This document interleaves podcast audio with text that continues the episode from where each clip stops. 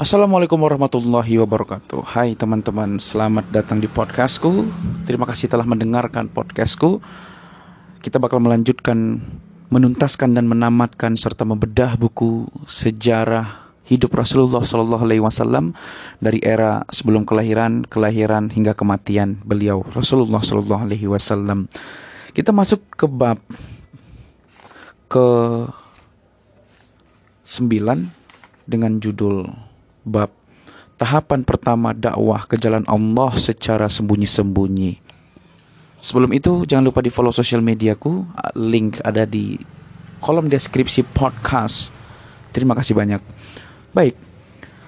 Setelah mendapatkan perintah untuk berdakwah dengan turunnya awal surat Al-Mudathir, Rasulullah segera bangkit dan mulai menjalankan dakwah ke jalan Allah. Pada saat yang sama, Kondisi kaumnya mengalami keterbelakangan. Agama mereka hanya berkutat pada penyembahan berhala yang berupa patung, asham, asnam, maupun tempat-tempat keramat, outsan. Ketika mereka ditanya alasan menjadikan patung-patung sebagai sesembahan, mereka tidak memiliki jawaban sekecuali hanya berujar, "Seperti inilah kami mendapati bapak-bapak nenek moyang kami beribadah." Tindak tanduk perangai mereka hanyalah kekasaran dan kekerasan. Mereka tidak memiliki solusi untuk menyelesaikan permasalahan yang terjadi di antara mereka, kecuali dengan kilatan pedang. Meski begitu, mereka merupakan kiblat dalam hal keagamaan di Jazirah Arab. Contoh terdepan dalam pembangunan peradaban dan orang-orang yang rela mempertaruhkan diri mereka demi eksistensinya. Mereka dari itu, maka dari itu di antara hikmah kenapa perintah dakwah di awal di, di awal kemunculannya Islam bersifat siriyah sembunyi-sembunyi agar penduduk Mekah tidak kaget dan bergejolak dengan adanya suatu perkara yang mengusik keyakinan mereka. Generasi pertama karena generasi pertama waktu dakwah secara sembunyi-sembunyi. Karena perintah dakwah yang pertama berupa dakwah secara sembunyi-sembunyi sudah sewajarnya apabila sasaran pertama dakwah Rasulullah Shallallahu Alaihi Wasallam adalah orang yang paling dekat dengannya di antara keluarga dan sahabatnya. Rasulullah menyeru mereka supaya masuk Islam. Beliau juga menyeru kepada orang yang beliau kenal gemar berbuat baik dan mencintai kebenaran dan mereka pun mengenal kejujuran Nabi dan kebaikannya. Orang-orang yang tidak memiliki keraguan sedikit pun akan keagungan pribadi Rasulullah Sallallahu Alaihi Wasallam, kemuliaan dan kejujuran ucapannya langsung menerima langsung menerima ajakan beliau. Mereka dikenal dengan sejarah Islam dengan sebutan As-Sabiqunal Awwalun, orang-orang yang pertama masuk Islam. Dan orang-orang yang pertama masuk Islam adalah istri beliau, Ummul Mukminin, Khadijah binti Khuwailid, pembantu beliau Zaid bin Harithah bin Syurahbil Al-Qalbi, sepupu beliau Ali bin Abi Thalib yang saat itu masih anak-anak dan hidup dalam asuhan beliau serta sahabat karib beliau. Sedangkan berikutnya adalah Abu Bakar As-Siddiq. Mereka semua masuk Islam pada hari pertama dakwah Syria Nabi Sallallahu Alaihi Wasallam. Setelah itu, Abu Bakar sangat gencar dalam mendakwahkan Islam. Dia adalah seorang laki-laki yang lembut, penyayang, mudah bergaul, berakhlak mulia dan terkenal baik. Banyak dari kaumnya yang datang dan senang kepadanya lantaran luasnya wawasan yang dimiliki, kesuksesan dalam bisnis dan luwes dalam pergaulan. Abu Bakar menyeru orang yang percaya kepada dirinya dari sekian orang yang terbiasa bergaul dengannya di antara sahabatnya yang masuk Islam melalui dakwahnya antara lain Utsman bin Affan, Al-Umayyah, Zubair bin Awam, As-Sadi, Al-Asadi, Abdurrahman bin Auf, Sa'ad bin Abi Waqqas, Az-Zahriyan, dan Tolhah bin Ubaidillah At-Taimi. Delapan orang ini merupakan para pendahulu umat manusia yang memeluk Islam. Mereka lah generasi pertama yang dan cikal bakal tumbuh kembangnya agama Islam. Setelah keislaman delapan orang tersebut, Satu persatu orang-orang terpercaya di kalangan umat ini juga menyusul keislaman mereka. Di antara mereka adalah Abu Ubaidillah, Amir bin Jahroh dari Bani Harith bin Jafir, Abu Salamah bin Abdul Asad al-Makhzumi beserta istrinya, Ummu Salamah, Al-Arqam bin Abu Al-Arqam al-Makhzumi, Usman bin Mahzum, Al-Jumahi beserta kedua saudaranya Kudamah dan Abdullah Ubaidah bin Al-Harith bin Al-Muthalib bin Abdul Manaf Said bin Zaid Al-Adawi beserta istrinya Fatimah binti Al-Khattab. Al-Adawiyah saudari Umar bin Khattab Khabbab bin Art At-Tamimi Ja'far bin Abi Talib beserta istrinya Asma binti Ummais Khalid bin Said bin Al-As Al-Umawi beserta istrinya Aminah binti Khalaf kemudian saudaranya Amru bin Said bin Al-As Hatib bin Al-Harith Al-Jumahi beserta istrinya Fatimah binti Al-Mujailil.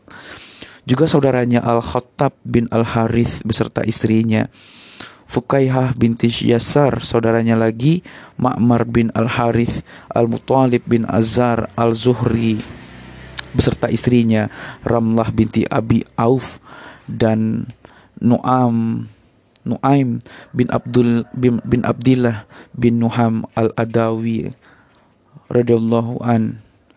Mereka semua adalah bagian dari suku Quraisy dari berbagai jalur keturunan.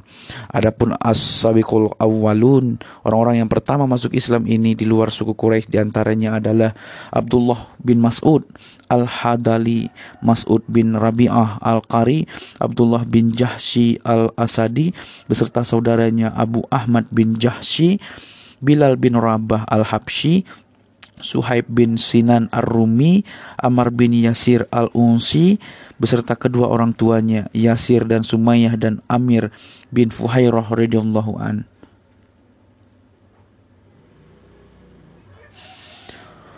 Selain para wanita yang telah disebutkan, ada juga para pendahulu lain dari kalangan mereka di antaranya Ummu Aiman Barkah Al-Habsyiyah, Ummu Al-Fadl Lubahah Lubabah Al-Kubra binti Al-Harith Al-Hilaliyah istri Al-Abbas bin Abdul Muthalib dan Asma binti Abu Bakar As-Siddiq radhiyallahu an. Dalam sejarah Islam, mereka semua dikenal dengan As-Sabiqunal Awwalun. Setelah dilakukan penelitian mendalam, diketahui bahwa jumlah mereka mencapai 130 orang baik laki-laki maupun perempuan. Namun belum diketahui secara pasti apakah mereka semuanya memeluk Islam pada masa dakwah Syriah atau sebagian mereka masuk Islam pada masa dakwah Jahriyah. Kita masuk pada subbab solat. Salah satu perkara yang pertama diturunkan pada awal mula dakwah berkaitan dengan hukum adalah perintah solat. Ibnu Hajar berkata, Sebelum peristiwa Isra dan Mi'raj, Rasulullah dan para sahabatnya telah terbiasa melaksanakan solat. Namun para ulama bersilang pendapat, adakah solat wajib sebelum turunnya perintah melaksanakan solat lima waktu atau tidak? Di antara mereka berpendapat bahwa Rasulullah dan sahabat waktu itu melaksanakan solat pada dua waktu, sebelum terbit matahari dan sebelum terbenamnya. Al-Harith bin Usamah meriwayatkan dari jalur Ibnu Lahiyah secara bersambung dari Zaid bin Harithah bahwa pada awal-awal turunnya ayat Al-Quran Jibril datang kepada Rasulullah dan mengajarkan tata cara wudhu sesuai berwudhu beliau mengambil seusai berwudhu beliau mengambil seciduk air lalu memercikkannya ke kemaluan Ibnu Majah juga meriwayatkan hadis yang senada. Hadis berupa serupa juga diriwayatkan melalui jalur Al-Bara bin Azib dan Ibnu Abbas. Dalam riwayat Ibnu Abbas disebutkan, solat merupakan kewajiban pertama yang diperintahkan. Ibnu Hisham menyebutkan bahwa Nabi dan para sahabatnya ketika tiba waktu solat, mereka segera bergegas ke lereng bukit. Mereka solat secara rahasia agar tidak diketahui oleh kaumnya. Abu Talib pernah melihat Nabi dan Ali mengerjakan solat Kemudian Abu Talib mengajak keduanya berbincang-bincang tentang apa yang keduanya lakukan. Ketika Abu Talib mengerti hakikat solat, dia memerintahkan keduanya untuk tetap mengerjakannya. Itulah ibadah yang diperintahkan kepada kaum muslimin di tahapan pertama periode, Mekah. Pada tahapan ini tidak diketahui adanya ibadah, perintah maupun larangan lain selain yang berkaitan dengan perintah solat.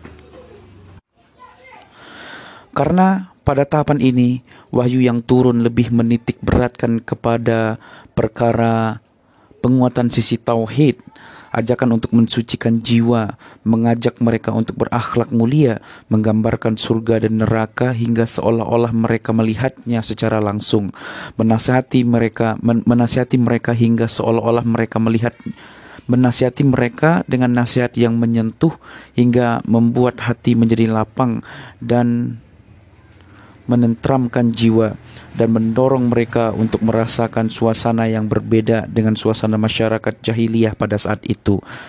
Tahapan pertama pada periode Makkah ini berjalan selama tiga tahun. Pada saat itu dakwah yang dilakukan Nabi dan sahabatnya masih bersifat individu Beliau belum mendakwahkan Islam secara terang-terangan dan kepada masyarakat luas meski sejatinya orang-orang Quraisy telah mengetahui sepak terjang beliau. Berita tentang Islam memang telah tersiar hingga pelosok Mekah dan menjadi buah bibir masyarakat. Ada yang beriman dan tak sedikit pula yang mengingkarinya. Bahkan sebagian mereka menyiksa siapa saja yang mengikrarkan keislaman. Secara umum, orang-orang Quraisy belum terlalu mempermasalahkannya karena Rasulullah Shallallahu Alaihi Wasallam belum menyinggung kesesatan agama mereka dan juga belum membicarakan Tuhan-Tuhan mereka.